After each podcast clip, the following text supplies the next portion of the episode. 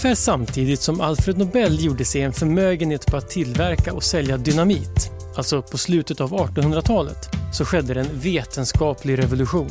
För första gången kunde forskare visa varför människor blev sjuka.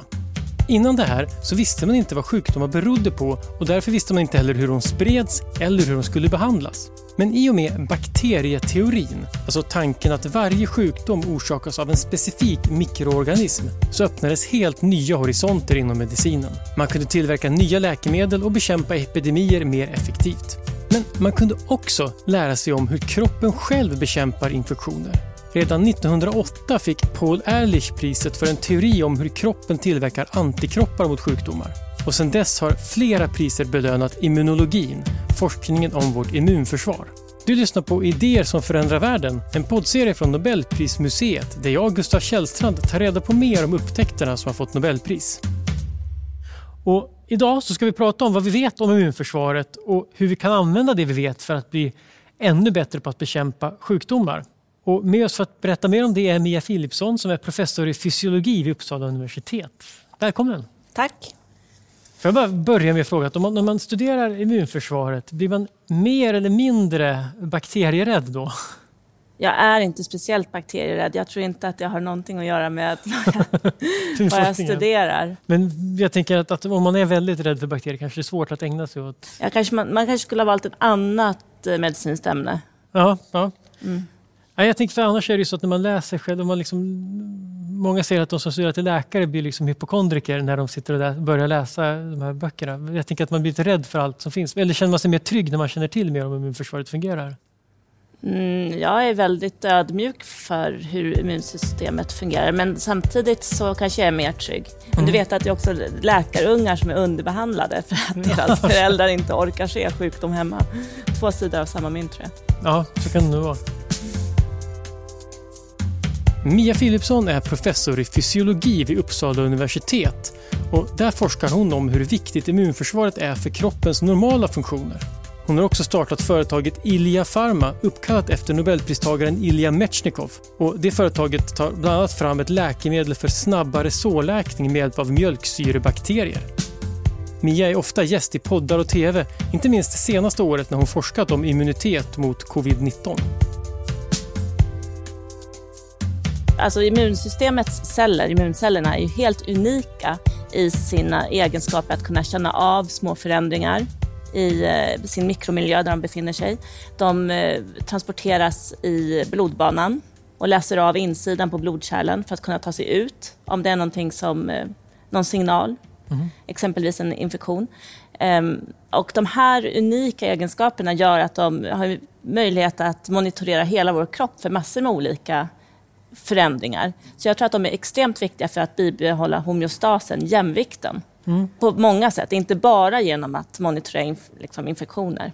Och monitorera, alltså det, så man kan säga att det är ett övervakningssystem mm. i hela kroppen så det kan känna igen inte bara sjukdomar då tänker man sig utan kanske mm. också annat som kan, kan gå fel eller förändra ja. hur vi mår. Och om det har gått fel så kan de snabbt ta sig dit och ansamlas i jättestort antal. Just det, om man, tänker någonting som kan ha hänt, om man tänker sig ändå att det är en, någonting som har infekterat oss, ett virus eller en bakterie. Vad, vad, det här övervakningssystemet, hur känner det här igen att det har kommit in något främmande? Man kan likna det med att man får en sticka i fingret. Okay. Med den här lilla stickan så kommer det små mikroorganismer. Eh, dels skadan i sig, att huden är trasig, mm. men också de här mikroorganismerna som tar sig in kommer frisätta signaler i, den här, eh, ja, i köttet, i, mm. i huden där. Eh, och de här signalerna drar till sig immunceller som blir aktiverade och som frisätter fler signaler. De här signalerna tar sig in i blodkärlet och presenteras för eh, immunceller som forsar förbi i blodbanan. Så att ännu fler kan ta sig dit. Så att de här immuncellerna i blodbanan de fastnar, och de kryper igenom blodkärlsväggen och kryper fram till det här stället. Okej, det är ju fascinerande att det kryper igenom blodkärlet. Men ja. det, det, låter som att det är konstigt, men det kanske inte är så konstigt alls. Nej, det, de är experter på att göra det här. Ja. Mm, och det är ett samarbete mellan, en, mellan blodkärlsceller och immunceller. Och det här sker på några minuter. Okay. De, de, första cellerna kommer, immuncellerna kommer till den här stickan mer eller mindre direkt. Eh, och väl där så börjar de producera eh, bakteriedödande ämnen. Ämnen som gör att eh, blodkärlcellerna släpper lite från varandra så att man kan få ut lite blodplasma. Det gör att, att eh, det bildas ett ödem, en svullnad kring det här stället. Det blir ah. rött och det blir rött för att frisätts ämnen som gör att blodflödet ökar lokalt. Intressant. Så svullnad är alltså att, det, att blodkärlen släpper igenom mer vätska? Ja. Aha. Och så blir det varmt. Eh, det här är de, nu sitter jag och eh, rapar upp de kardinaltecknen på inf inflammation. Ah, att det blir ja, varmt, det är... rött, Precis. Ehm, svullet och att det gör ont. Mm.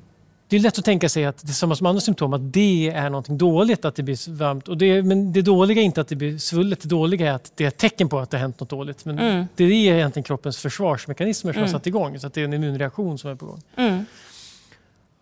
Och, sen, och då vet kroppen om att det är något dåligt och sen så måste de här tas död på. Mm. Och då har vi olika slags eh, immunceller mm. som dödar på lite olika sätt.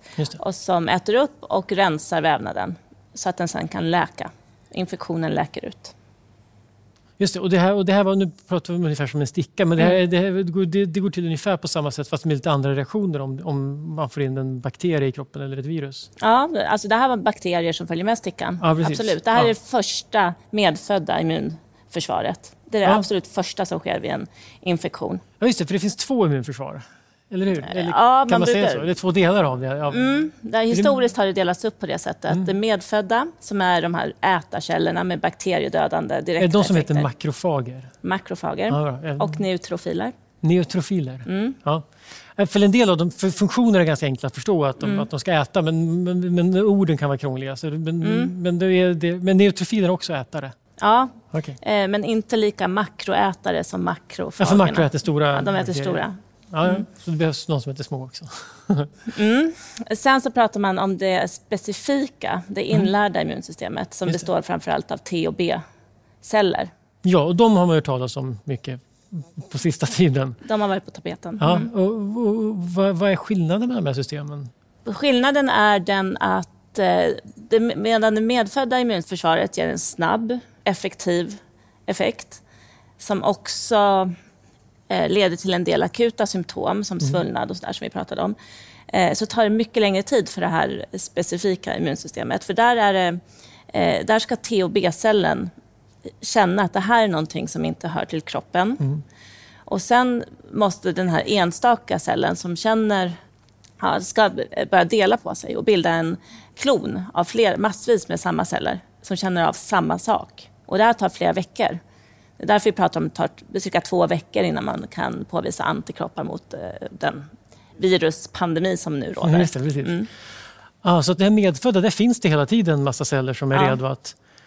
Betyder det att de här medfödda då, de kan liksom ge sig på alla sorters bakterier? Bara, bara det är främmande så äter mm. de upp det.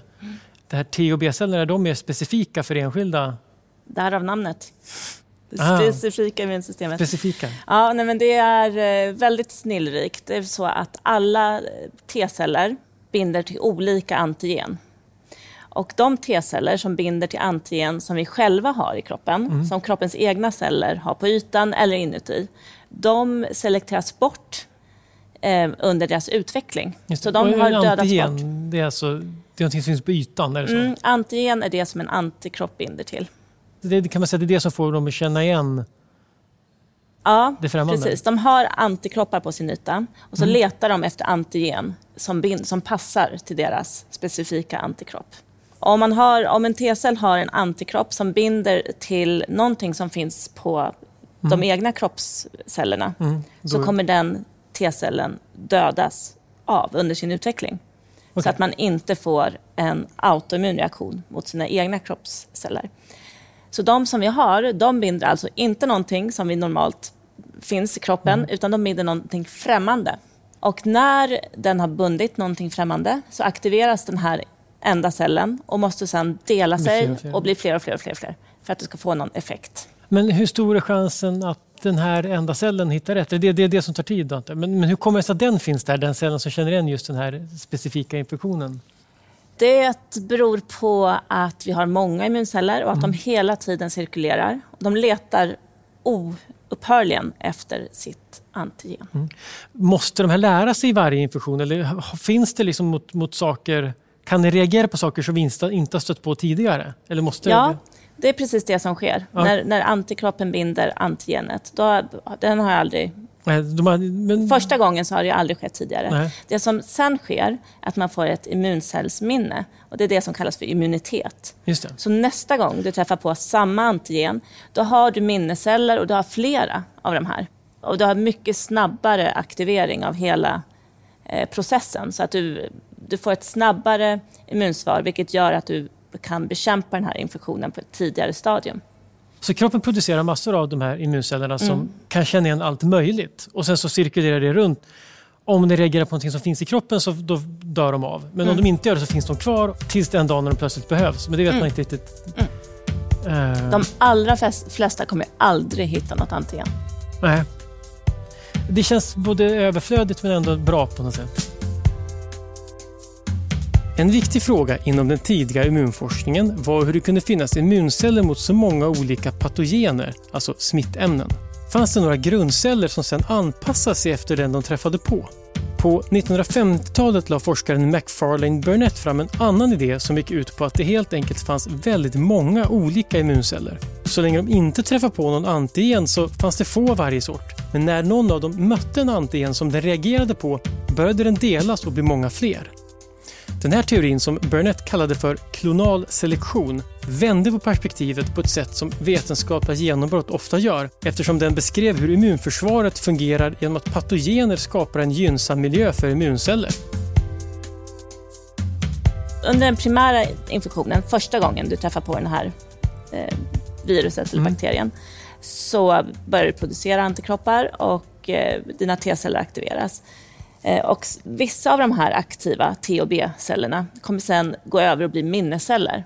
Och de har ju antikroppen som binder antigenet som presenteras av den här specifika mikroorganismen. Och därför nästa gång du träffar på den här mikros, ja, så kommer det här minnet aktiveras och då får du mycket kraftigare immunsvar snabbare. Nu har vi pratat om B-celler och T-celler liksom tillsammans, mm. men det finns, jag antar att det finns en skillnad mellan dem eftersom ja. de, de är två olika. Ja, det finns absolut skillnader, men de samarbetar ju ja. väldigt effektivt. Den största skillnaden den är att B-cellerna är de celler som producerar antikroppar och frisätter antikroppar och det är de vi mäter exempelvis i cirkulationen. Mm. T-celler har också antikroppar men de sitter fast på cellens yta. Okej, så de kan både sitta fast på ytan och vara mm. fria? Och mm det kanske är en dum fråga, men vilka är bäst? Alltså, var, varför behövs båda? Ehm, de behövs för att ehm, T-cellerna är mycket mer specifika i sitt letande efter antigen. Och när de väl aktiveras, då ser de till att B-cellerna aktiveras i stort antal. Så de, de föder B-cellerna med massor med signaler. Om de signalerna inte finns, då får du inte en effektiv antikroppsproduktion. Och det tror jag är ett ett, eh, ett säkerhetssystem som kroppen har för mm. att vi inte ska reagera på, på våra egna eh, antigen. För att vi inte ska utveckla autoimmun sjukdom. Då reagerar vi på kroppens egna antigen. Och ett tydligt att... exempel är typ 1-diabetes exempelvis. Då är det någonting i de här insulinproducerande betacellerna som finns i vår eh, pankreas mm. som stimulerar det specifika immunsystemet. Så att Eh, så då tror du helt enkelt de här... Ja, de tror att, det är kroppsfrämmande. Ja, och då attackerar de? Och, och målet är att döda alla betaceller. Ja, och det lyckas de med och då får man ja. diabetes? Mm. Och då kan man också mäta antikroppar, specifika antikroppar i cirkulationen. Antikroppar mot då de här Mot specifika antigen som finns där. Mm. Immunförsvaret är mycket bra på att söka upp och döda sånt som inte ska vara i kroppen. Och det har vi förstås stor nytta av. Samtidigt är det viktigt att immunförsvaret inte börjar söka upp och döda celler som hör till våra kroppar, de kroppsegna cellerna. När det händer drabbas vi av allt från allergi till allvarliga autoimmuna sjukdomar som typ 1-diabetes, reumatism och MS. Men samtidigt hör det här till undantagen, för kroppen har ett system för att hindra att immunförsvaret angriper oss själva. När immunceller som kan reagera på kroppsegna celler utvecklas så förstörs de i regel i en programmerad celldöd. Och den här immunologiska toleransen det är en sorts säkring på immunförsvaret som gör att vi kan ha ett så effektivt system för förstörelse i våra kroppar. 1960 fick forskaren Peter Medawar Nobelpriset för att ha beskrivit hur det här fungerar. Och han delar priset med McFarlane Burnett. Burnett var dock missnöjd och tyckte att han borde ha fått priset för sin klonala selektion istället. Och det finns väl ganska många autoimmuna sjukdomar. Det låter mm. som att det är en något sorts evolutionärt felslag att de finns ens? För det verkar ju mm. jättekonstigt att, de ska, att, att det gör så. Är det en konsekvens bara av att det, att det är ett komplicerat system som inte är riskfritt? Eller finns det... Det är en jätte, jättebra fråga. Ja. Man vet nog inte riktigt varför vi utvecklar. Nej. Det finns olika teorier. Är det bara det specifika systemet som ger autoimmun sjukdom eller kan det, här... Medfödda. Medfödda, gör det också ja, det är ingen autoimmun sjukdom, men, men det är det medfödda systemet som ger ganska mycket sjukdomssymptom. Okay. Exempelvis det här som vi pratade om, att eh, fingret med stickan blir varmt och pulserande. Ja, precis. För det var en sånt, sånt symptom. För de här, det som händer i kroppen märker mm. man väl inte... Eller det är kanske det som gör att man blir trött av de här cellerna som håller på att klona sig. Eller, eller hur märker man... För, för resten, alla symptom man får, till exempel förkyl, mm. alltså förkylningssymptom av snuva och sånt där, det är väl också en del av immunförsvar, eller immunreaktioner i alla fall? Mm. Eh, snuvan, den, snoret består ju av eh, virus eller bakterier som har dött och okay. döda immunceller och eh, döda kroppsegna celler. Och så det är bara ett sätt att bli av med det? Det är ett sätt att liksom transportera bort det här från eh, den infekt, infektionshärden. Då förstår man ju ännu mer vikten av att snyta sig till exempel. Men, men finns det, förutom, jag tänker för sticka finns det ju också, huden är ju någon sorts, stoppar ju, är oftast då mm. bakterier får komma in. Finns det även försvar i luftvägarna mot, ja, mm. försvar mot luftburna virus och annat, mm. som, eller droppar också men för mm. Det finns det. Kan, våra... inte, är det, det är inte snor då? Nej, utan våra slemhinnor, eh, speciellt luftvägsslemhinnan, har som små hår på sig. Okay som hela tiden slår. Det här var någonting som vi pratade mycket om, kommer jag ihåg, när det var sån här eh, non-smoking generation. Just det. att de här små silierna, de här håren på cellerna, Aha. förlamades av nikotinet. Aha. Siliernas roll är att transportera upp ett slemlager. Aha. Så att det här slemmet hela tiden transporteras upp så att du kan svälja ner det sen. Inte... Eller snyta ut det. Eller, och om, eller, om eller de här, här hockeyloska. Liksom. Ja. man kan lösa det här på olika sätt. men det är inte farligt att svälja det här? Nej. För det är ändå bakterier som kommer in, men då förstörs det i magen? Magsäcken har ett jätte, jättelågt pH. Så, okay, så det tar... Okej, okay, men så de här håren de fångar, de fångar upp och så slämmar det bort? Ja, så, så att det är meningen att inkräktare då ska fastna i det här slemmet som sen transporteras bort från de mer känsliga delarna av lungan till eh, luftvägarna och så småningom till munhålan så vi sväljer ner det här. Och, och, du pratar om non-smoking Jag antar att det inte bara då man pratar om det, för det stämmer fortfarande antar att rökning skadar de här. Ja. Så rökning försämrar immunförsvaret? Är det... det är jättedumt att röka. Ja. ja, det finns många skäl, men det här är ett av dem. Om man inte, om man inte redan var rädd för det. Det måste finnas, tänker jag, ett ganska stort system för, det låter som att det är ganska mycket som ska skickas runt i kroppen med termer av information, alltså att kroppen ska det ska svullna och det ska snoras och det ska liksom hostas, och, och, men också att det ska klonas och sånt där. Hur funkar informationsöverföringen? Men den, den är extremt eh, situationsberoende, den här informationsöverföringen.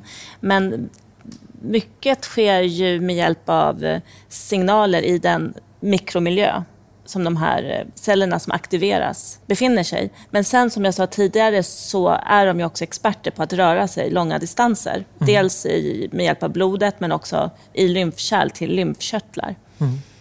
Och eh, till exempel så om immunceller hittar en bakterieinfektion någonstans så är det vissa som via lymfan transporteras till närliggande lymfkörtlar och presenterar de här eh, små bakteriedelarna exempelvis för alla T och B-celler. T-celler som dammsuger och letar efter sitt antigen. Så att det är dels en kemisk överföring men också faktiskt en, eh, en fysisk. De här cellerna måste byta plats.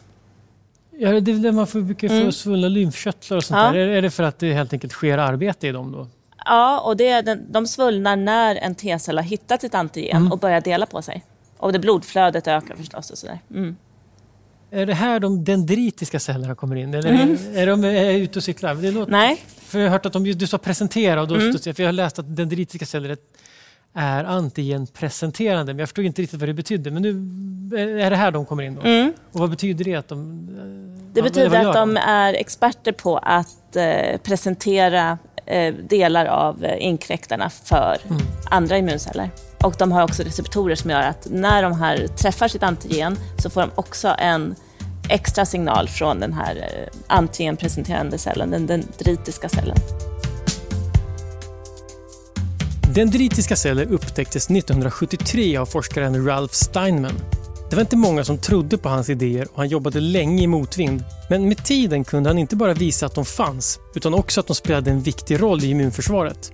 Steinman drabbades i början av 2000-talet av cancer och han fick hjälp av en ny experimentell behandling, immunterapi. Och det var en terapi som gjorts möjlig av hans egen forskning.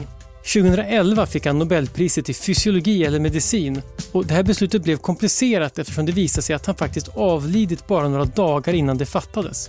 Nobelpriset kan egentligen bara gå till levande personer men i det här fallet gjorde man ändå ett undantag eftersom prisutdelarna inte kände till att han dött när de fattade beslutet.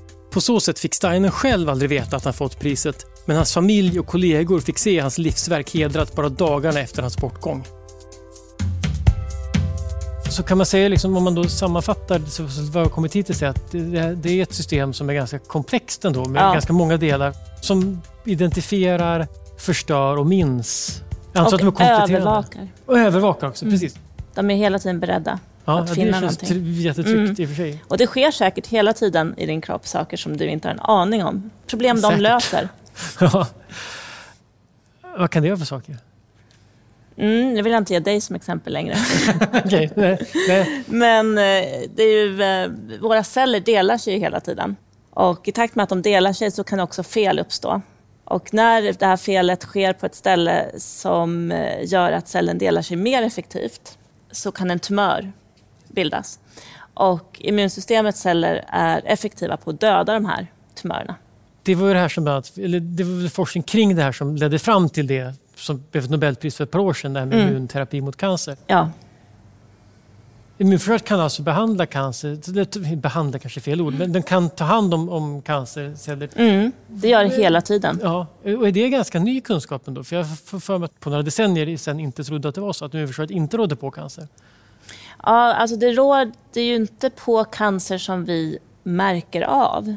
För då har ju de här tumörerna vuxit över en kritisk storlek. Ehm, men den här ehm, upptäckten som belönades med Nobelpris, den gick ut på att man skulle ta bort bromsen som eh, vi hela tiden har. I olika situationer så bromsas immunsystemet för att vi inte ska döda kroppsegna celler. Mm. Och om man tar bort den här bromsen så blir immunsystemet mycket mer effektivare på att döda tumörerna. Så då kan vi göra det även när tumörerna har blivit större. Men den, är också, den behandlingen är associerad med fruktansvärda biverkningar. Mm. Så det är hela tiden en, en balans och det, det, är så immunsystemet eh, arbetar. Den ska döda inkräktare eller mm. eh, tumörceller, men det sker ju på bekostnad av eh, en skada. Mm. En in, indirekt skada. Ja, du inledde med att säga att du liksom, en, en, det finns viss ödmjukhet inför immunförsvaret, immunsystemet. Mm. Är det till exempel sånt här då, att det faktiskt är så pass, alltså det kan göra så mycket saker? Mm. Och ganska kraftfullt också. Ja. För så här, jag tänker ofta med, med immunförsvaret att det, det liksom råder på dagsförkylningar. Och så mm. Men till, till ordentliga sjukdomar så måste, man, måste det till läkemedel. Mm. Men det verkar som att immunförsvaret har ganska... Det klarar mer än man tror, eller mer än jag tror då, om jag tror fel.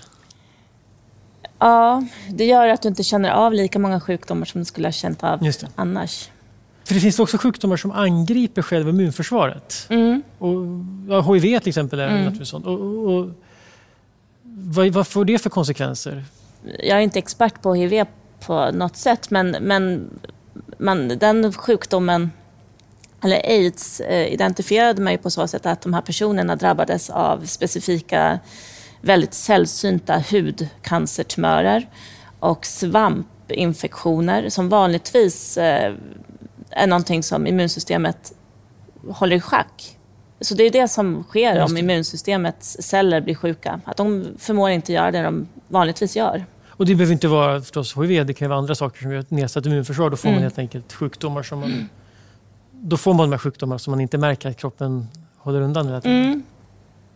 Jag tänker på, för det finns ju ändå, vi pratar om läkemedel, det finns ju det, det här eh, immunterapi mot cancer, det är ett sorts läkemedel som använder sig av, men det finns ju fler läkemedel som använder sig av immunförsvaret. Mm.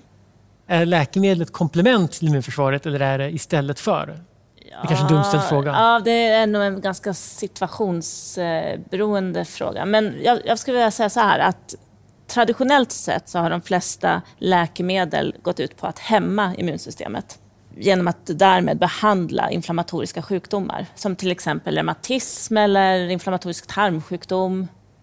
De sjukdomarna behandlar man med att försöka trycka ner immunsystemet. För, då, för det är för att ta bort symptomen? Ja, det är för att ta bort För det är de man lider av? Ja, precis. Det är den indirekta skadan som immunsystemet orsakar som, som ger symptom. Eh, Men de, i och med eh, de här upp, observationerna eller upptäckterna som ledde till Nobelpriset eh, när det gäller immunoterapier så har man ju förstått mer och mer att man kan faktiskt använda sig av eh, immunsystemets normala funktioner. Och kanske förstärka de här, ta bort bromsar eller på andra sätt förstärka de här funktionerna och därmed behandla sjukdom. Och det tycker jag är superspännande. Det är förstås också det som min forskning handlar om. Det är därför jag tycker det är så spännande. Just det. Och, din forskning, det mer specifikt, vad är, är din forskning handlar om där, på det, på det området? Men vi har exempelvis funnit att de här neutrofilerna som jag nämnde, de är inte alls bara intresserade av att eh, hitta och döda bakterier och käka upp dem, utan de känner också av syrebrist i vävnad. Till exempel om du får en liten blödning inom muskel. För att blodet inte kommer fram? Eller, antar jag. Ja, precis. Eh, då kommer de här eh, neutrofilerna ta sig genom blodkärlsväggen och eh, ta sig fram till det här stället med syrebrist. Och där är de absolut nödvändiga för att dra igång nybildningen av blodkärl. För att återställa blodflödet och därmed behandla syrebristen. Det är rätt otroligt. Det, det, så det är ett exempel och det finns fler då på, på liksom hur, hur det här övervakningssystemet... Det är som en, liksom en superbra vaktmästarfunktion på något sätt. Som bara, både kan byta glödlampor och stoppa inbrott. Ett, ett bra exempel kan man faktiskt, eh, är sårläkning. För då Ja. gör immunsystemets celler så många olika saker vid olika tidpunkter. Det första som sker vid sårläkning är förstås att det börjar blöda. Och sen måste kroppen, alltså då börjar man koagulera sitt blod. Och sen så måste kroppen snabbt få dit många immunceller som förhindrar att bakterier eller virus, mikroorganismer, tar sig igenom den här barriären som huden utgör. Så då är de jätteduktiga på att eh, döda alla inkräktare. Lite senare eh, under sårläkningsprocessen så är de här immuncellerna jättebra på att läka vävnaden och får dina hudceller att eh, snabbare dela sig och röra sig och liksom försluta den här skadan. Eh, och eh, avslutningsvis så är immunsystemets celler väldigt viktiga för att ärret inte ska bli för stort. Så att rätt, de är med i olika delar i hela den här processen. Ett annat forskningsprojekt som vi har haft i mitt labb det är att förstå vad, vilka signaler som styr de här olika funktionerna. Om man kan öka förmågan att läka vävnaden så att det här såret läker snabbare exempelvis. det där är ju väldigt fascinerande när man tänker på just, eh, också om man tänker på fysiologi som ämne, att kanske Mm. då, vi började med Alfred, på Alfred Nobels tid, när det kanske, då var vi för nere på den här cellnivån också, men, men mycket handlar också om liksom hur kroppen fungerar. Då tänker man på liksom hur benen hänger ihop och mm. organen. Men att det är på så otroligt liten nivå, att, hur man liksom ökar celldelningen för att läka ett sår. Det är otroligt, tänker jag, vad vi faktiskt kan om det här systemet och hur, hur komplicerat och intrikat det är Mm. Ju mer man pratar med dig nu så känner jag bara att du har ju valt rätt forskningsämne. Det, det Mm. låter som ett liksom otroligt fascinerande...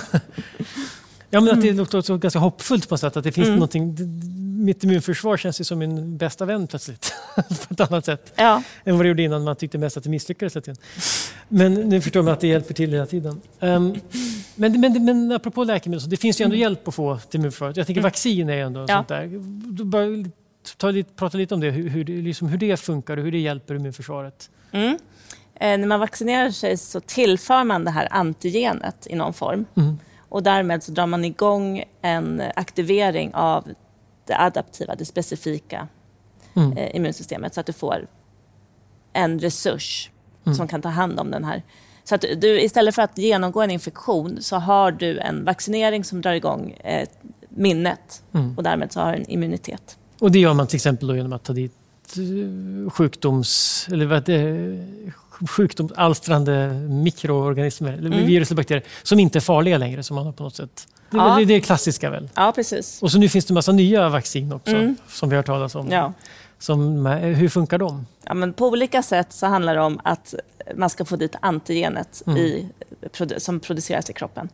Det, det, det, spelar, det är liksom oavsett hur det görs, det är det som är det viktiga. Att den, Ja. Man lär kroppen att känna igen någonting utan att det Mm. faktiskt behöver utsättas för själva infektionen. Det som är så smart med de här, de här nyare eh, generationerna vacciner Mm. är att man mycket snabbare kan ändra eh, strukturen på det här antigenet. Och det gör att eh, nu när det viruset som cirkulerar i vårt samhälle Mm. muterar och eventuellt skulle inte längre ha ett antigen som är det som vi har fått vi antikroppar emot genom en vaccination. Så får man då ändra eh, vaccinet så Mm. att eh, nya antikroppar som binder in det nya muterade viruset. Ehm, ja. Och det är därför som exempelvis vi måste ta influensavaccinering om man är För det, för det varje år. viruset För att- ändrar sig. Eller ja. de virusen, det är väl många som, som ändrar sig hela Mm. Medan andra virus inte ändrar sig alls, verkar det som. Jag, på, Jag tror om- att alla virus ändrar sig. Frågan är med vilken hastighet. Ja. Jag läste om det mässlingsvaccinet som man har haft sedan, Mm. 30-talet som är utan att ändras. Det är rätt otroligt. Ja. Men då, då, då kanske det ändrar sig också, men, men vaccinet är väldigt bra helt enkelt. Ja, det ändrar sig tydligen inte precis där vaccinets Nej. eh, antigen. Tur! Mm. När de första vaccinen kom visste man inte alls hur de fungerade. Det var på 1700-talet som läkaren Edward Jenner upptäckte att mjölkerskor inte drabbades lika hårt av smittkoppor som andra. Och Det kanske berodde på att de hade haft kokoppor, en liknande men mildare sjukdom. Eftersom smittkoppor var en väldigt smittsam och väldigt dödlig sjukdom som kunde drabba vem som helst när som helst så var man beredd att testa vilka metoder som helst. Jenner infekterade därför friska försökspersoner med kokoppor och sen med smittkoppor. Och som tur var visade det sig att de som hade haft kokoppor inte heller fick smittkoppor. Och namnet vaccin kommer från latinens vacca som betyder just ko.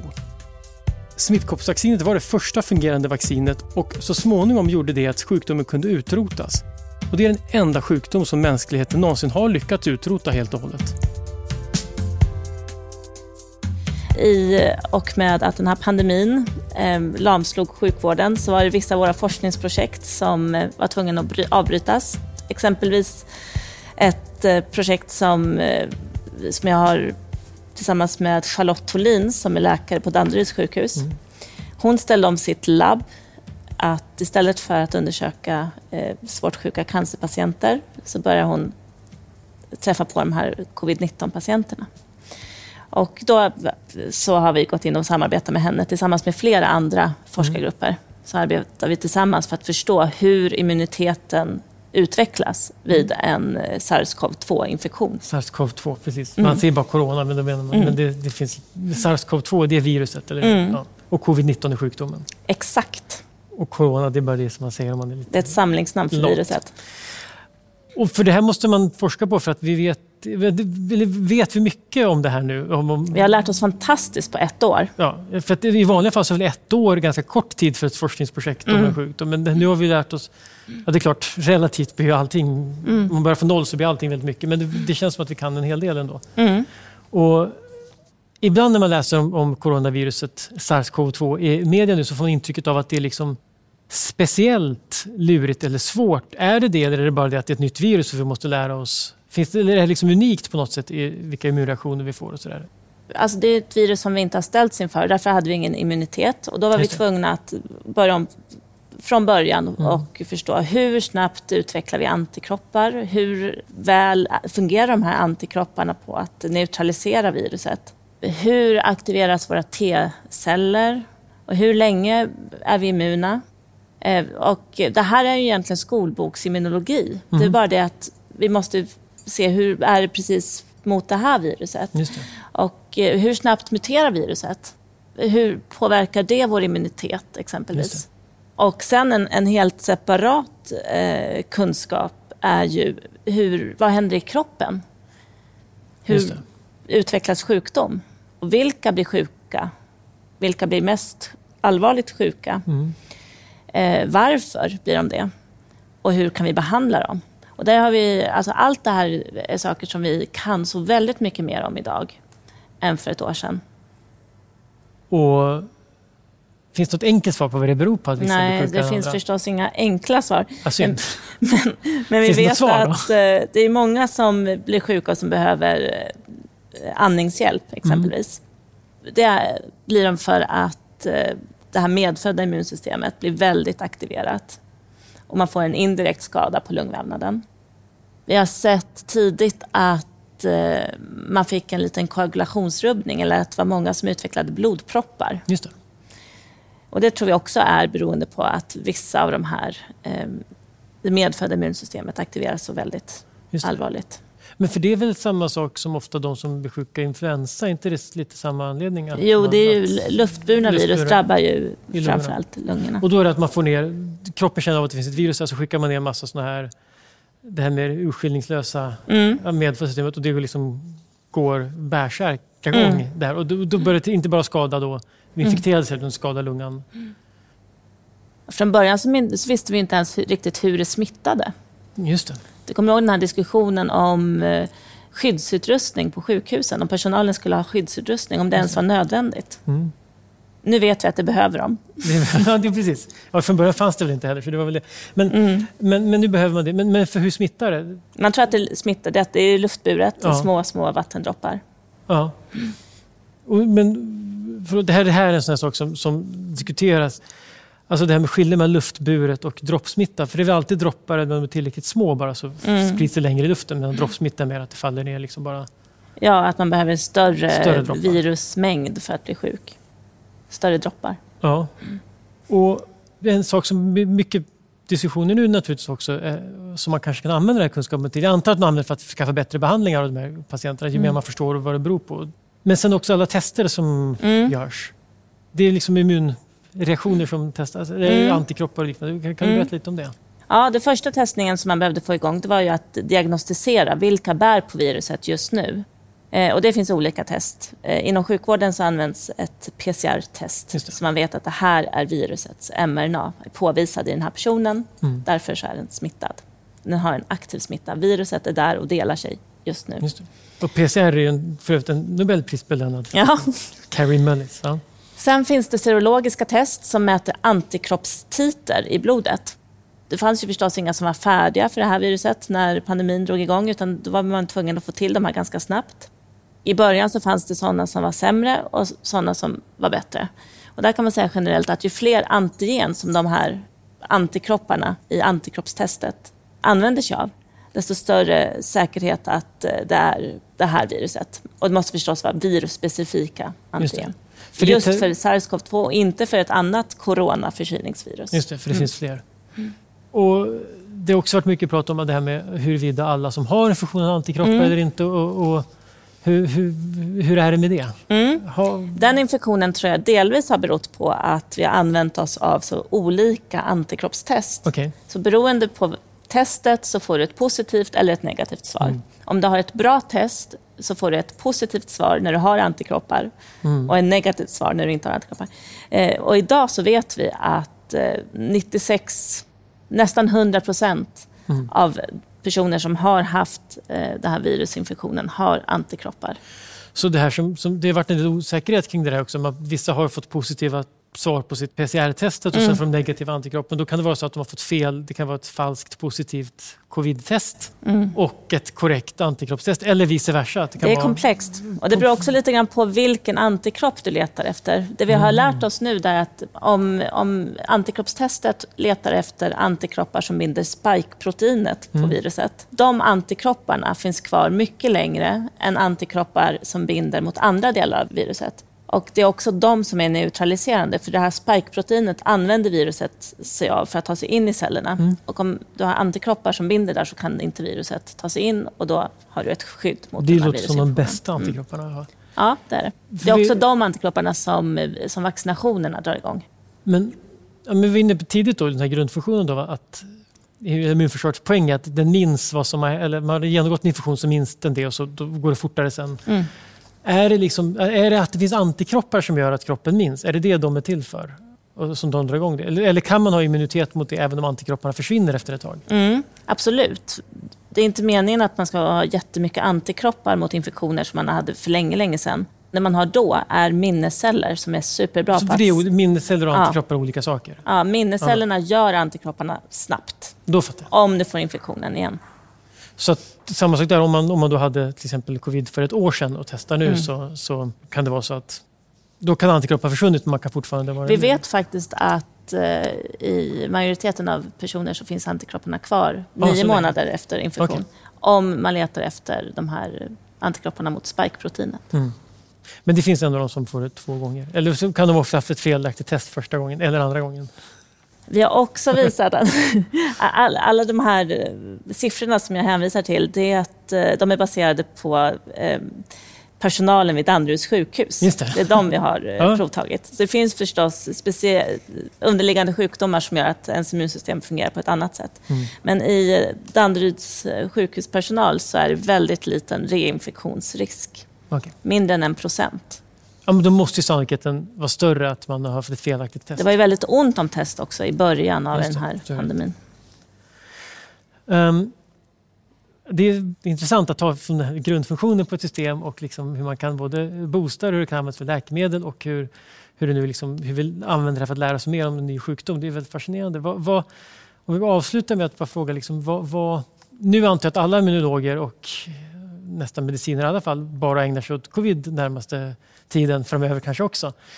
Men när det väl är klart, vad, vad, vad är liksom den stora frågan inom immunologi? Är det ett universellt immunförsvar som tar död på allt eller vad hoppas man på? Vad, vad, vad, eller vad hoppas du på att man ska kunna hitta? Jag hoppas att vi, ska, att vi ska lära oss att förstå alla andra saker som immunsystemets celler gör. För att vi ska kunna utnyttja de funktionerna när vi utvecklar nya läkemedel.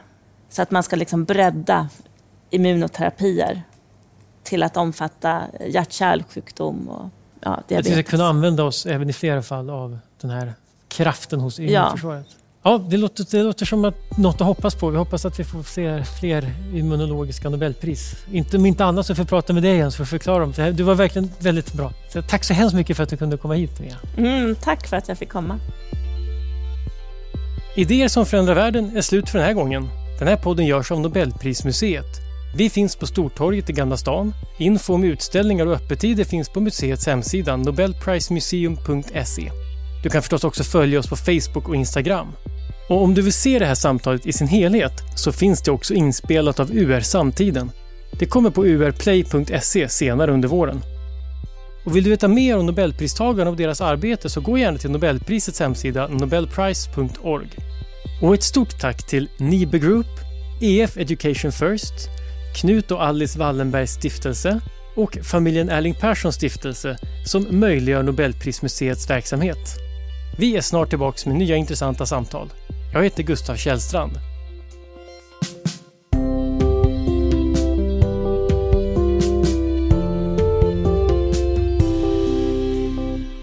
Idéer som förändrar världen produceras av Filt Hinterland för Nobel Prize Museum.